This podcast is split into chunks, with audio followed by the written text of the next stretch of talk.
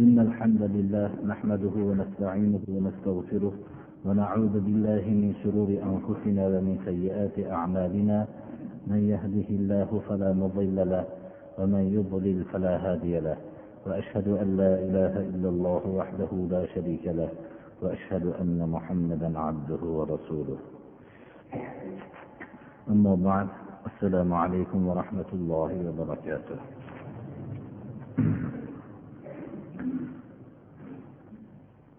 Qur'oni karimdan davom etayotgan darsimiz sura moida oyatlarida.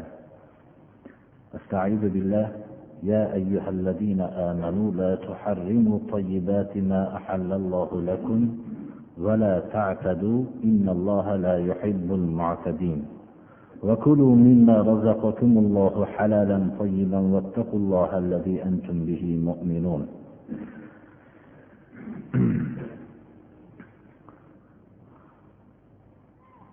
alloh subhanahu va taolo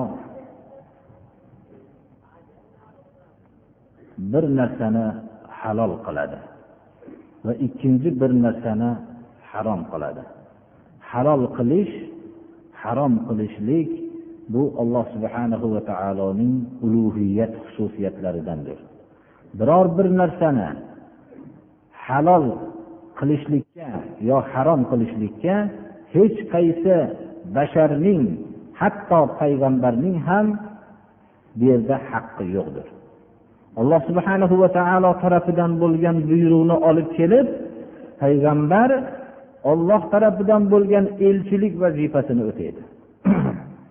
Boshqa insonlar olloh halol qilgan narsani harom qilishlikka olloh harom qilgan narsani halol qilishlikka modomiki ular ubudiyatni davo qilishar ekan mutlaqo haqlari yo'qdir.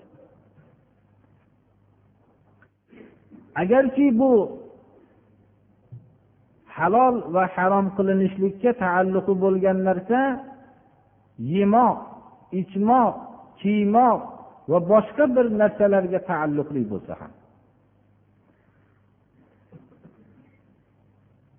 Rasululloh sollallohu alayhi vasallamning huzurlariga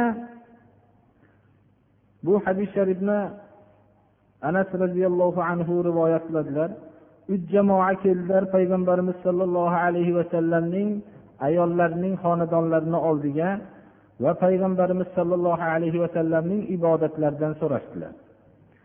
Ular ibodatlari haqida xabardor bo'lishgandan keyin go'yoki bu ibodatlar ozu deb oz sanashdilar va keyin aytishdilarki biz qayerdayu rasululloh sollallohu alayhi vasallam qayerda? U kishini gunohlari mag'firat qilingan shuning uchun ozroq ibodat qilsalar bo'laveradi. Bizni bo'lsa ko'proq ibodat qilishligimiz kerak gunohlarimiz ko'p deyishdilar. Bittalari aytdilarki men kechasi bilan namoz o'qib chiqaman dedilar. Ikkinchilari umrbod ro'za tutaman dedilar. Uchinchilari mutlaqo men turmush qilmayman dedi. Rasululloh sollallohu alayhi vasallam kelib bu keldilarda bularning so'zlarini eshitdilar. Aytdilarki sizlar shunday shunday so'zlarni aytgan sizlarmisizlar? Men ollohdan qo'rquvchirog'inglarman ollohga ichinglardan taqvo qiluvchirog'inglarman ammo meni sifatlarim shuki hayotda ro'za ham tutaman va ro'zani ochaman ham dedilar. Ya'ni nafl ro'zani butun umrbod tutmayman dedilar. Va kechqurunda bedor bo'lib namoz ham o'qiyman va istirohat qilib dam olib uxlayman ham dedilar. Va turmush qilaman dedilar. Bu meni sunnatim shu sunnatimdan bosh tortgan kishilar mendan emas dedilar. Qur'oni karimda mana bu oyat ba'zi mufassirlarni fikrlarida ba'zi kishilar ma'lum bir taomlarni yemaslikka qasd qilganlik vaqtida ba'zilar bo'lsa go'sht yemaslikka o'zining shahvatini kuchayib ketishligi uchun sabab bo'layotgan taomlarni yemaslikka qasd qilgan vaqtda shu oyat nozil bo'lgan. Ya'ni ey iymon keltirgan kishilar olloh sizlarga halol qilgan narsani harom qilmanglar. Ya'ni yemayman deb bu narsani o'zinglarga harom qilmanglar. Alloh subhana va taolo sizlarga halol qildimi? Bu narsani o'zinglarga harom qilmanglar. Haddiylardan oshmanglar. Ya'ni halol qilingan narsadan ham chetlanadigan darajada haddinglardan oshmanglar. Olloh haddidan oshganlarni yaxshi ko'rmaydi. Olloh sizlarga rizq qilib bergan narsani haloli toyib qilib rizq qilib bergan narsanidan yeyglar agar bir kishi eng taqvolik bo'laman desa o'zining kasbini halol qilib halol taomdan yesa halol kiysa halol yursa eng taqvoli odam shudir.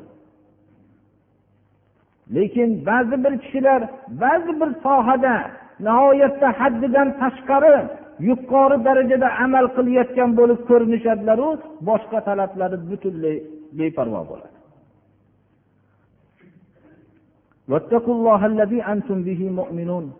Sizlar iymon keltirgan ollohdan qo'rqinglar. Olloh halol qilgan narsani harom qilishlikdan harom qilgan narsani halol qilishlikdan qo'rqinglar. Hozirgi vaqtda olloh halol qilgan narsani harom qiladigan kishilar kam topiladi.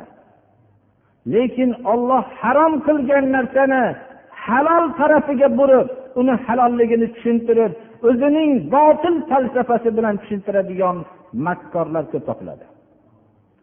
Alloh subhana va taolo bizga to'ng'iz go'shtini mutlaqo harom qildi. Mast qiluvchi ichimlikni mutlaqo harom qildi. Alloh subhana va taoloning nomidan boshqa butlar nomiga har xil mozorlar nomiga so'yilingan narsalarni harom qildi. Qonni harom qildi. Mana bu narsalarni o'zining botil falsafasi bilan halol tarafi haqida gapirib o'zi kofir bo'lib oilasi taloq bo'lib yurgan kishilar ko'pdir hozirda. Alloh subhana va taolo harom degan narsani mabodo bir kishi halol desa shu vaqtda kofir bo'ladi. Shu vaqtda o'zining oilasi taloqi boyin bo'ladi. Nikoh shart bo'ladi. Avvalo iymon keltirib qaytadan iymon keltiradi va nikoh shart bo'ladi unga mehr ham lozim bo'ladi.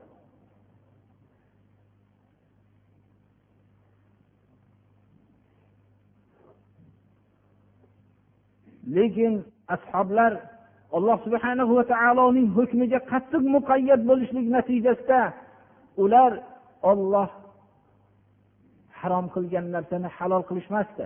Mana hozirgi hadis bizga dalolat qiladiki nafr ro'za tutishlikka rasululloh sollallohu alayhi vasallam targ'ib qilgan bo'lsalar o'zlari ham dushanba payshanba kunlari nafr ro'za tutgan bo'lsalar dushanba kunidagi ro'za haqida so'ralganlarida shu kunda tug'ildim.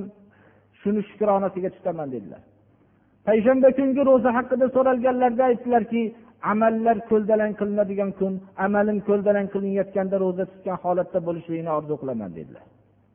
Mana bu nafl ro'zaga targ'ib qilinganda lekin ashoblar bu naflda haddilardan oshib ketib qolishliklari ko'proq nafl qilsak shunda ibodatimiz katta bo'ladi degan fikr paydo bo'lishgan ularda.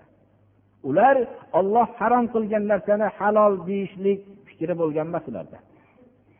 Ana shuning uchun ham oyatda haddinglardan oshmanglar. Olloh halol qildimi sizlarga? Bu narsani haloli toyib bo'lgan narsalardan iste'mol qilinglar.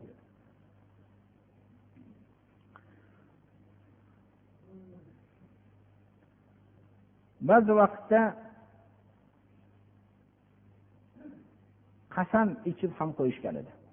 Yemayman deb qasam ichib qo'yishgan edilar. Abdulloh ibn abbos bu keyingi oyatni nozil bo'lish sababida yemoq ba'zi ichadigan narsalarni ya'ni suyuqliklarni nikoh turmush qilishlik halol bo'lgan turmushlarni o'zlariga harom qilgan kishilar va qasam yod qilib qo'yishgan vaqtlarida qasamlarini endi o'zlarining qilgan so'zlarining xatoligini bilishganlaridan keyin bu qasamlarni buzib yaxshilikka o'tmoqchi bo'lganlarda alloh subhana va taolo qasamning odobini o'rgatdi. Qasamiylardagi niyat qilmasdan aytgan so'zinglar bilan olloh sizlarni azoblamaydi mabodo bir kishi tilidan qasam ichib qo'ygan bo'lsayu lekin dili bilan aytmagan bo'lsa olloh bu bilan uni hisob qilmaydi.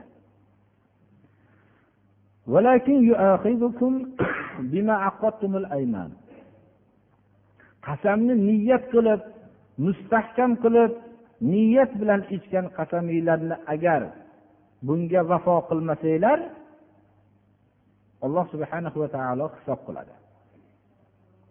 Lekin islomning odobi shuki mabodo bir kishi bir yaxshi narsani qilmayman deb qasam ichib qo'ygan bo'lsa islom shuni unga yo'llanma berganki qasamini buzadi qasamining kafforatini to'laydi va yaxshi ishni qilib ketaveradi.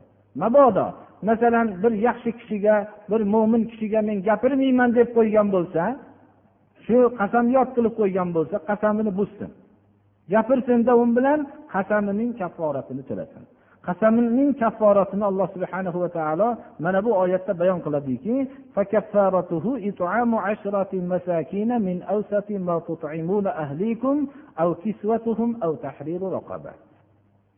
qasamning kafforati shuki o'nta miskinni o'zinglar oilanglarni yediradigan narsaning afzalidan yedirmoqliginglar.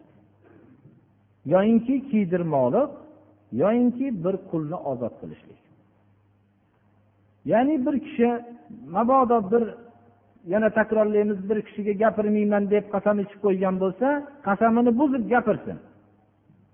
Chunki ollohga osiy bo'ladigan gunoh ishda qasam ichib qo'ygan bo'lsa qasamini buzsin.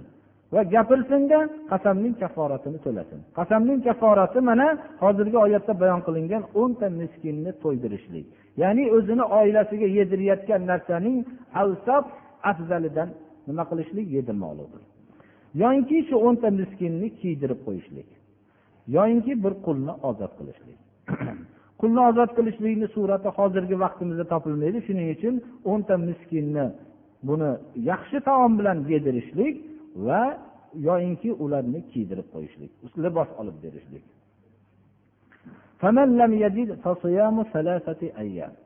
Agar yediradigan narsaga ega bo'lmasa yoki kiydiradigan molga ega bo'lmasa uch kun ro'za tutishlik bu uning kafforati bo'ladi. Bu sizlarning qasamyod qilgan vaqtinglardagi qasamiylarning kafforati deydi alloh taolo. Alloh subhanahu va taolo sizlarga oyatlarni bayon qilib beradi. Sizlar ollohning bu ne'matiga shukur qilishliginglar uchun. Alhamdulillahi robbil alamin bizning tilimizdan bir ba'zi bir qasam ichib qo'y noto'g'ri qasamlar ichib qo'ygan vaqtimizda alloh subhanahu va taolo bizga ta'lim berdi. Allohga hamdlar bo'lsin. يا أيها الذين آمنوا إنما الخمر والميسر والأنصاب والأزلام رجس من عمل الشيطان فاجتنبوه لعلكم تفلحون. إنما يريد الشيطان أن يوقع بينكم العداوة والبغضاء في الخمر والميسر ويسدكم عن ذكر الله وعن الصلاة. فهل أنتم منتهون؟ alloh subhanahu va taolo mana bu oyatda mast qiluvchi ichimlik va sig'inish va butlar bilan azlom qasamyod qilib botil qasamlarni ichishlikni hammasini alloh subhana va taolo harom qildi. Shayton ishidan bir nopok najas narsaga aylantirdi. Johiliyat davrida mast qiluvchi ichimlik ichmagan kishilar olloh saqlagan kishilargina qolgan edi. Hozirgi johiliyatda ham butunlay mast qiluvchi ichimlik bilan odamlar g'arq bo'lganiga o'xshagan. Ximor bu tamomiy hayot maydonini egallagan edi. Bunga alohida bir mast qiluvchi ichimlikka tantanalik majlislar qilinardi xuddi hozirgiga o'xshagan. Alloh subhanahu va taolo birinchi mast qiluvchi ichimlik haqidagi nozil qilgan oyat surai nahldagi bir ishora bilan uning yaxshi narsa emas ekanligiga ishora qilib oyat nozil qildi ومن ثمرات النخيل والأعناب تتخذون منه سكرا ورزقا حسنا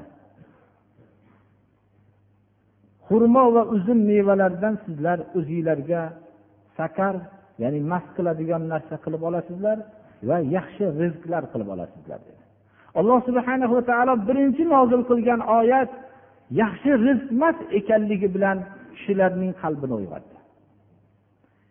Ikkinchi oyat sura baqaradagi mast qiluvchi ichimlik haqida qimor haqida sizdan so'rashadi.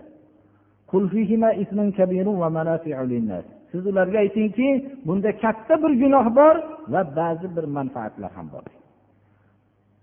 Mast qiluvchi ichimlikning manfaati ba'zi odamlarga bir davoga ishlatishadi. Va qimorning manfaati shu ediki uni yutishib fuqarolarga miskinlarga sadaqot berishardi. Hozirda mast qiluvchi ichimlikni harom desa bu najas deb aytilsa odamlar aytishadiki ba'zi o'zining falsafasiga mag'rur bo'lgan kishilar aytadiki bundan foydalari ham borku hozirgi vaqtda davolarga iste'mol qilinyaptiyu ba'zi narsalarga deb shunday deyishadi. Axir bu manfaati bor ekanligini alloh subhana va taolo bizga bayon qilyapti lekin manfaatidan uning gunohi kattaligi uchun bu harom ekanligini bizga bayon qilyapti. Bizga odamlar uning manfaatini topdik deb turib bizga kashfiyotlarni ko'rsatmasin. Biz u narsani najas deymiz. Mast qiluvchi ichimlik najas deymiz. Harom deymiz bu narsani. Bu narsa alloh subhana va taoloning mana bu surai moidadagi oyat bilan qat'iy harom qilindi. Bundan keyingi oyat nozil bo'lganida namozga mast bo'lgan holatda yaqin bo'lmanglar ana endi namoz besh vaqt namoz ketma ket kelganligi uchun o'zini tiya boshlashgan edi. Ana shundan keyin qat'iy mana bu bugungi darsimizdagi oyat nozil bo'ldiki mast qiluvchi ichimlik va qimor va butlar va azlomiki sizlar bu azlom shundan iborat ediki uchta kaltakcha bo'lib bittasiga safarga chiqmoqchi bo'lgan odam fol ochardida rabbim buyurdi rabbim qaytardi billah rabbim bilmay qoldi degan so'zni yozishardida shu narsani aylantirib qaysinisi chiqsa safarga ketmoqchi bo'lsa agar buyurdi chiqsa ketardi qaytardi bo'lsa qolardi. Agar muhmali chiqsa unda yana boshqalardan azlomni fol ochardi. Mana bu narsa shayton ishlaridandir. Sizlar bundan chetlaninglar najot topmoqchi bo'lsanglar. Bu ishlar bilan shug'ullangan kishilar mutlaqo najot topolmaydi. Mast qiluvchi ichimlik qaysi bir jamiyatda bo'lsa qimor qaysi bir jamiyatda bo'lsa bu jamiyatning fasod ekanligiga dalolat qiladi. Bu jamiyatdagi odamlar hayotning tangliklaridan qochayotganligiga dalolat qiladi. Mast qiluvchi ichimlikni ichayotgan kishilardan so'rasangiz birpas bo'lsa ham bir rohatlanib shu hayot tashvishlaridan chetda bo'lsam deydi.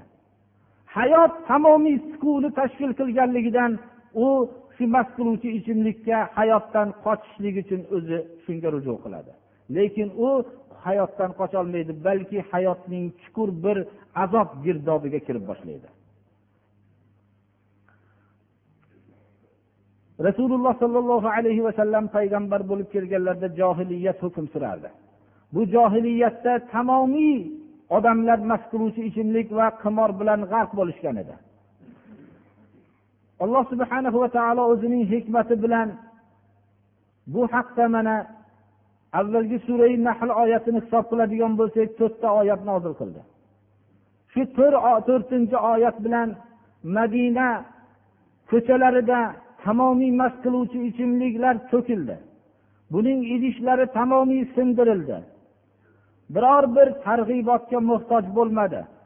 Islom chunki odamlarning qalbida nazoratchini o'rnatib bo'lgan edi shuning uchun olloh tarafidan buyruq kelgan vaqtida ular mast qiluvchi ichimlikdan o'zlarini tiyishdilar.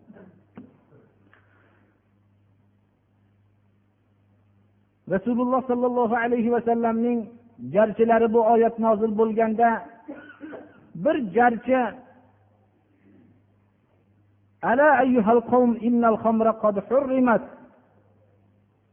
ya'ni ey odamlar bugungi kunda mast qiluvchi ichimlik harom qilindi degan jarni soldi.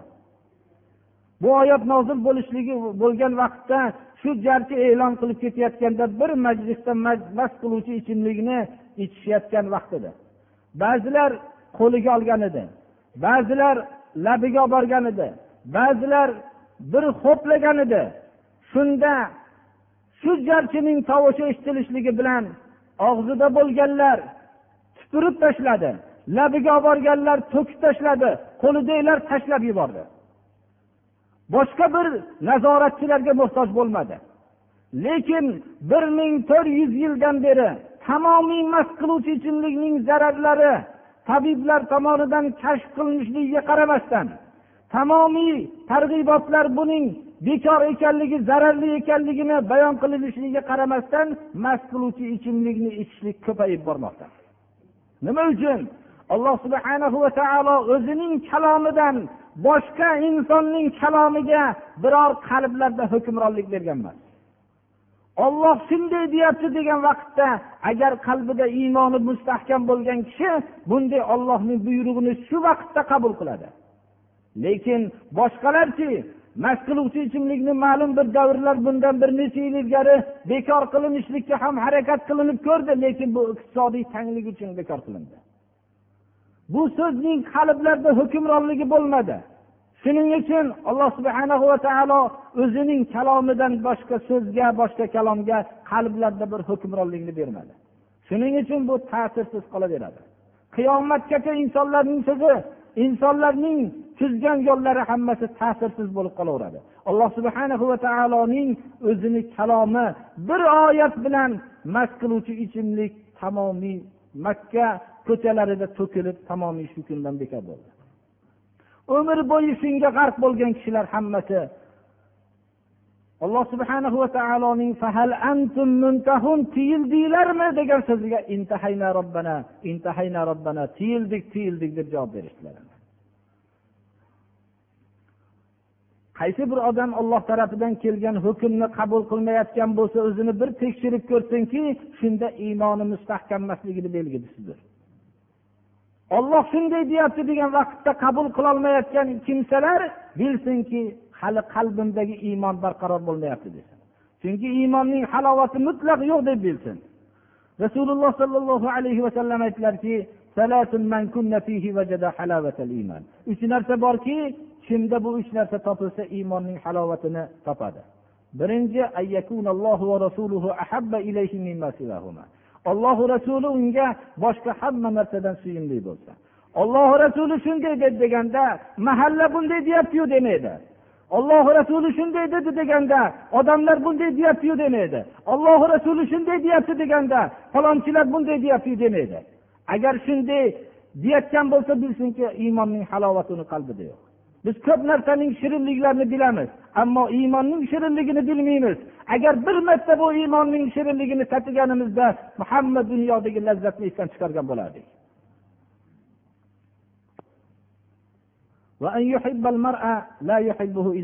Bir kishini faqat olloh uchun yaxshi ko'rsa ikkinchisi biz ham birovlarni yaxshi ko'ramiz. Lekin uning martabasi uchun yo dunyosi uchun yoinki o'zimizdan katta bo'lganligi uchun yo boshqa maqsadlar uchun yo ishlarimizni bitkazib olishligimiz uchun shu kishilar vositasi bilan shuning uchun yaxshi ko'ramiz. Olloh uchun yaxshi ko'rishlikni ham bir lazzatini tatiganimizda ko'p narsalarning lazzatini esdan chiqargan bo'lardik.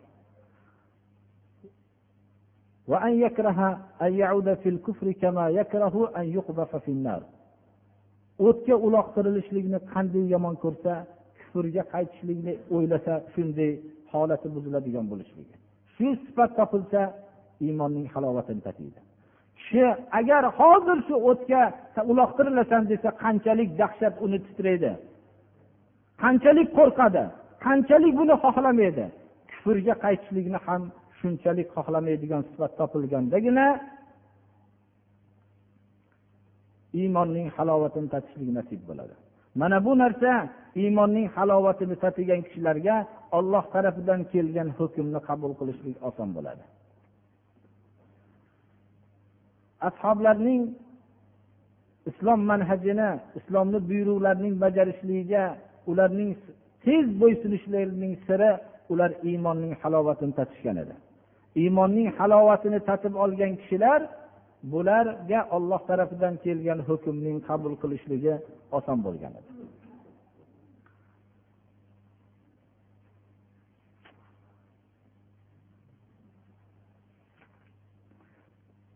إنما يريد الشيطان أن يوقع بينكم العداوة والبغضاء في الخمر والميسر shayton sizlarning o'rtanglarda adovat va yomon ko'rishlik sifatlarini mast qiluvchi ichimlik sababli va hamda qimor sababli o'rtaga paydo qilishlikni maqsad qiladi. Mast qiluvchi ichimlik va qimordan bundan boshqa narsa kelib chiqmaydi shayton o'zining asosiy quroli. Shayton bu quroli bilan ishga tushganda kishilar o'rtasidagi adovat va yomon ko'rishlar vujudga keladi. Ollohni zikridan sizlarni to'sishlik namozdan to'sishlikni maqsad qiladi. Sizlar tiyildinglarmi bu? Mast qiluvchi ichimlik va qimordan tiyildinglarmi degan vaqtda ashoblar tiyildik deyishgan edilar. Bu yerda biz namozning lazzatini ham bilmaymiz birodarlar. Ollohni zikrini ham lazzatini bilmaymiz. Shuning uchun bu lazzatni bilgan kishiga ollohni zikridan qo'yadi bu mast qiluvchi ichimlik va qimor. Namozdan sizni beparvo qilishlikka shayton o'zining bu qurolini ishlatadi degan so'zni eshitganda buning lazzatini tatigan odam darrov bunday katta zararni ixtiyor qilmaydida o'zini tiyilib oladi. Rasululloh sollallohu alayhi vasallamning ashoblari mana shunday bir oyat bilan tiyilishgan edilar.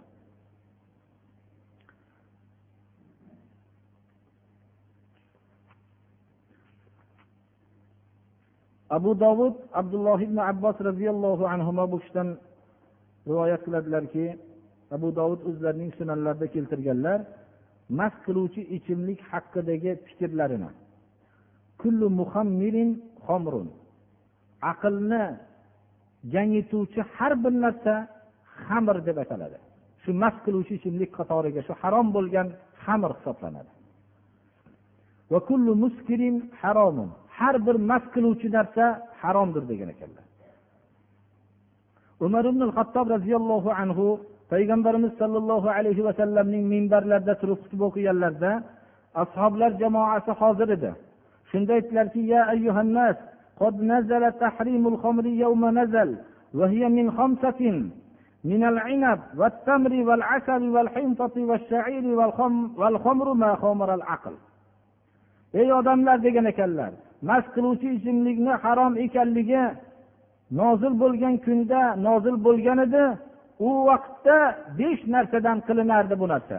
Birinchisi uzumdan xurmodan asaldan va bug'doydan arpadan qilinardi. Mana shu nozil bo'lgan kunda mast qiluvchi ichimlik besh narsadan qilinardi. Bu narsa harom bo'lgan edi. Takror aytamanki shuni ham bilinglarki degan ekanlar aqlni gangitgan hamma narsa xamir safiga kiradi degan ekanlar. Harom bo'lgan xamir ya'ni mast qiluvchi ichimlikni qatoriga kiradi degan ekanlar. Nozil bo'lgan kunda besh narsadan qilinadi deganlar imom qartabiy o'zlarining tafsirlarida buni zikr qilganlar. Ba'zi bir o'zini olim ko'rsatgan johillar borki bu axir uzumdan qilinadiyu pokiza narsadan bo'lgan narsa nima uchun bir harom bo'lib qoladi ozgina fursat bilan deyishadi. Biz avvalo mast qiluvchi ichimlikning haromligini robbil alamin buyurganligi uchun harom deymiz. Robbil alamin bu narsani harom degandan keyin banda ya'ni o'zidagi ubudiyat sifati bo'lgan kishi u narsaning hikmatini so'ramasdan turib qabul qilishi kerak. Qul hojani so'zini qachon qabul qilsa qul bo'ladi. Qul uning hikmatini bilmasdan turib qabul qilganda qul bo'ladi. Shuning uchun boshqa odamlar ham birovni qul qilmoqchi bo'ladiki meni aytganimni qilasan deydi. Xoh to'g'ri bo'lsin noto'g'ri bo'lsin qilasan deydi. Mana shu odamni shu odamga qul deymiz. Chunki biz ham alloh subhana va taoloning biz qulimiz. Modomiki olloh tarafidan bir hukm kelar ekan u narsaning mutlaqo hikmatini surishtirmasdan turib qabul qilganimizdagina bizda ubudiyat sifati bo'ladi. Modomiki uni hikmatini bilmasak qabul qilmasak biz unda billah u qul bo'lmaymiz hech qachon. Lekin shuni aytaylikki alloh subhana va taolo tarafidan kelgan har bir narsa hikmatlidir. Vallohu alimun hakim. Olloh bilimdon va hikmatli zotdir. Bu kishilarning o'zini aqliga biz javob qilamizki har bir pokiza narsadan qilingan narsa halol bo'lavermaydi. Har bir pokiza narsadan kelib chiqqan narsa halol bo'lavermaydi. Insonning najaslari peshoblari nimadan bo'ladi? U ham pokiza narsalardan vujudga keladi. U biz bir narsaning asli bilan tekshirib turib undan kelib chiqqan narsani halol deyishlikka haqqimiz yo'q. Asli halol bo'lib turib kelib chiqqan narsa mutlaqo najas bo'lishligi mumkin. Inson eng yaxshi taomlarni eng yaxshi narsalarni pokiza narsalarni yeydi. Undan kelib chiqqan narsa eng najas bo'ladi. Fuqarolarning fikrida ba'zi bir go'shtni yeb bo'ladigan hayvonlarning ba'zi narsalarni najasmasligi haqida mana masalalarni o'rganganmiz. Bular najasmas bo'lib qolishligi mumkin. Ba'zi qushlarning go'shtini yeb bo'ladigan qushlarningdan bo'lgan paydo bo'lgan peshoblari va ularning chiqindilari najasmas ammo insondan chiqqan narsa eng pokiza narsani yegan narsa inson bu insondan paydo bo'lgan narsa najasdir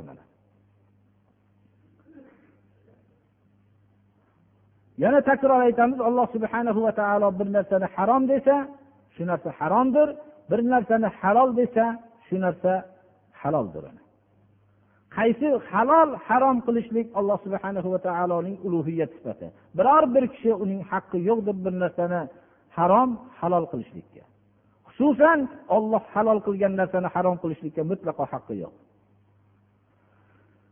Alloh subhana va taolo hammamizni hozirgi darsga amal qilishlikka alloh tavfiq bersin. اهدنا الصراط المستقيم صراط الذين أنعمت عليهم غير المغضوب عليهم ولا الضالين keltirgan musulmon birodarlar alloh subhanahu va taolodan qo'rqinglar alloh subhanahu va taoloning o'zigagina ibodat qilinglar استعيذ بالله وقضى ربك ألا تعبدوا إلا إياه alloh subhanahu va taolo o'zidan boshqaga ibodatning bo'lishligini harom qildi faqat o'zigagina ibodat qilishlikni hukm qildi va ibodatning o'zigagina xolis qilishlikka buyurildik وما أمروا إلا ليعبدوا الله مخلصين له الدين حنفاء ويقيموا الصلاة ويؤتوا الزكاة وذلك دين القيمة amalning maqbul bo'lishligi birinchi amal tavhid agar insonda tiklanmas ekan bu amal insonning qilgan amali bekor bo'ladi.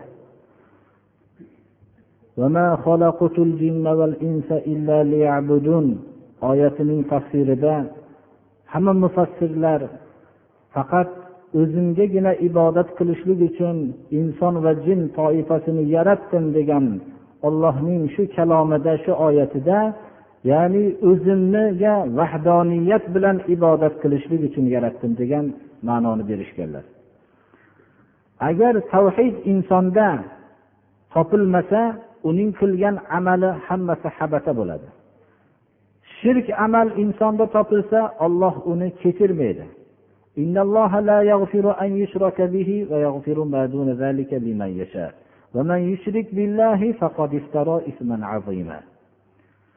hatto alloh subhanahu va taolo o'zining habibiga eng payg'ambarlarning sayidi bo'lgan zotga ham xitob qilib agar shirk amal sizdan sodir bo'lsa amalingizni habata bo'lishligida shak shubha yo'q dedi. Lekin ollohni vahdoniyatini bilish ollohni o'zigagina ibodat qilish bu ollohni bor deyishlikni o'zi emas. Koinoti yerni olloh yaratdi deyishlikni o'zi emas. Koinoti yerni olloh boshqaradi deyishlikni o'zi emas.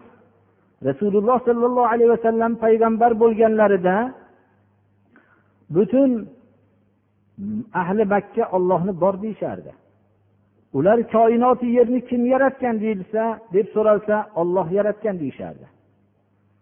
استعيذ بالله ولئن سألتهم من خلق السماوات والأرض ليقولن الله.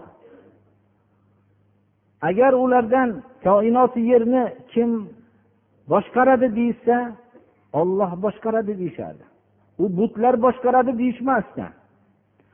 O'likni tirikdan chiqaradigan kim desa olloh deyishardi tirikni o'likdan chiqaradigan kim desa olloh deyishardi kim rizq beradi sizlarga desa olloh deyishardi lekin shularni bu so'zlari tavhidga olib kira olmadi ular la ilaha illalloh degan kishilardan bo'la olmadi shu so'zlari bilan قل من يرزقكم من السماء والأرض أمن يملك السمع والأبصار ومن يخرج الحي من الميت ويخرج الميت من الحي ومن يدبر الأمر فسيقولون الله فقل أفلا تتقون ana ularning hozirgi so'zlarini aytganligiga hujjat mana bu oyat.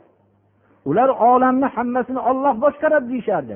Bu butlar boshqaradi deyishmasdi ular butlarni olloh bilan o'zlarini o'rtasida vosita qilishardi. Bu butlarni tosh deb bilishmasdi. Ularning solih kishilarning ramzi deb bilishardi. Lot mana rivoyat qilingan abdulloh ibn abbosdan ismi rojulin kana bu tolqonni haj qilib kelgan kishilarga hojilarga tolqonni uyutib bergan saxovatli bir kishining nomi bo'lgan. Mana bu narsalar hammasi ularning hozirgi rasululloh sollallohu alayhi vasallam ularni mushrik deb atadilar va shularni bilan la ilaha illalloh kalimasini aytinglar dedilar. Ibn jabalni yamanga jo'natganlarida birinchi da'vat qiladigan narsangiz la ilaha illalloh bo'lsin dedilar. Ular yamandagi kishilar ahli kitob edi ollohni bor deyishardi. Koinotni olloh yaratgan deyishardi. Koinoti yerni olloh boshqaradi deyishardi. Shularni la ilaha illalloh kalimasiga chaqirdilar. Demak agar ibodatni xolis o'ziga alloh subhanahu va taoloning o'ziga qilmaydigan bo'lsa ibodat nimalarning bittasi masalan nazr qilishlik agar ollohga nazr qilmasa boshqa narsalarga nazr qilsa bularga amal yo'q. Agar bir so'yishini olloh nomidan boshqa nom bilan so'ysa bu amal habata bo'ladi mushrik bo'ladi bu ovqatni yeyishlik mumkin emas. Ollohdan boshqaga nomiga so'yganlarni rasululloh sollallohu alayhi vasallam la'natladilar. Ba'zi bir kishilardan savol qilinsa bu so'yishni biz ibodat deb bilmaymiz deydi. Ibodatning ma'nosi nima deb so'raymiz ulardan? Ibodatning ma'nosi qilsa savob bo'ladigan narsa. Bu so'yishni qilayotgan odamlardan savol qilinsa shunga savob umid qilyapsizmi desa hatto ular jannatga kirishlikni shu bilan o'zi davo qilishadi. Savobni ham juda kattasini umid qilishadi. Demak savob umid qilinadigan narsalar bular hammasi ibodat. Agar ollohning o'ziga qilinsa bu tavhiddir agar ollohdan boshqaga qilinsa bu shirkdir shirkni alloh subhana va taolo mutlaqo kechirmaydi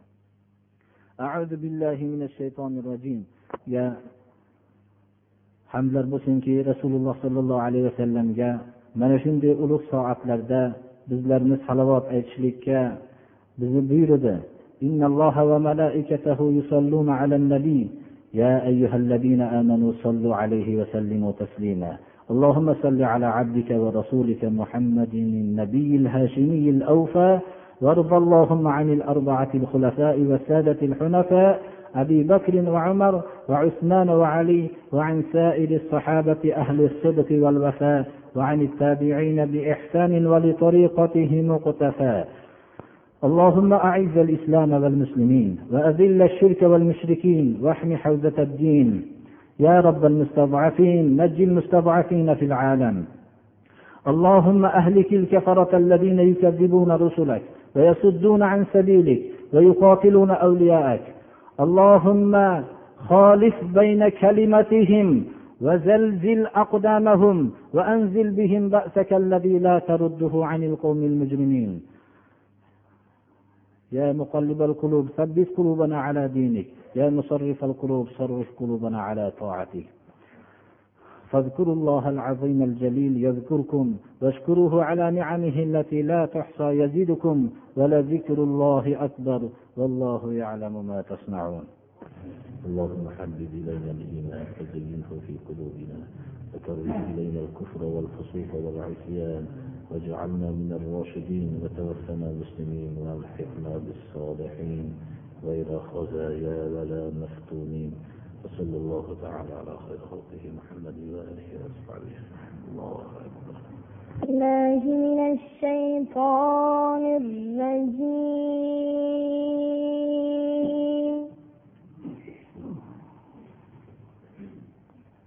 بسم الله الرحمن الرحيم.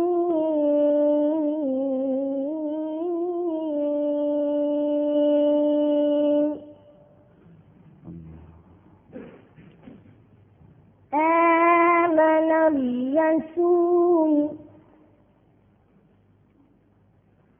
آمن الرسول بما أنزل إليه من ربه والمؤمنون.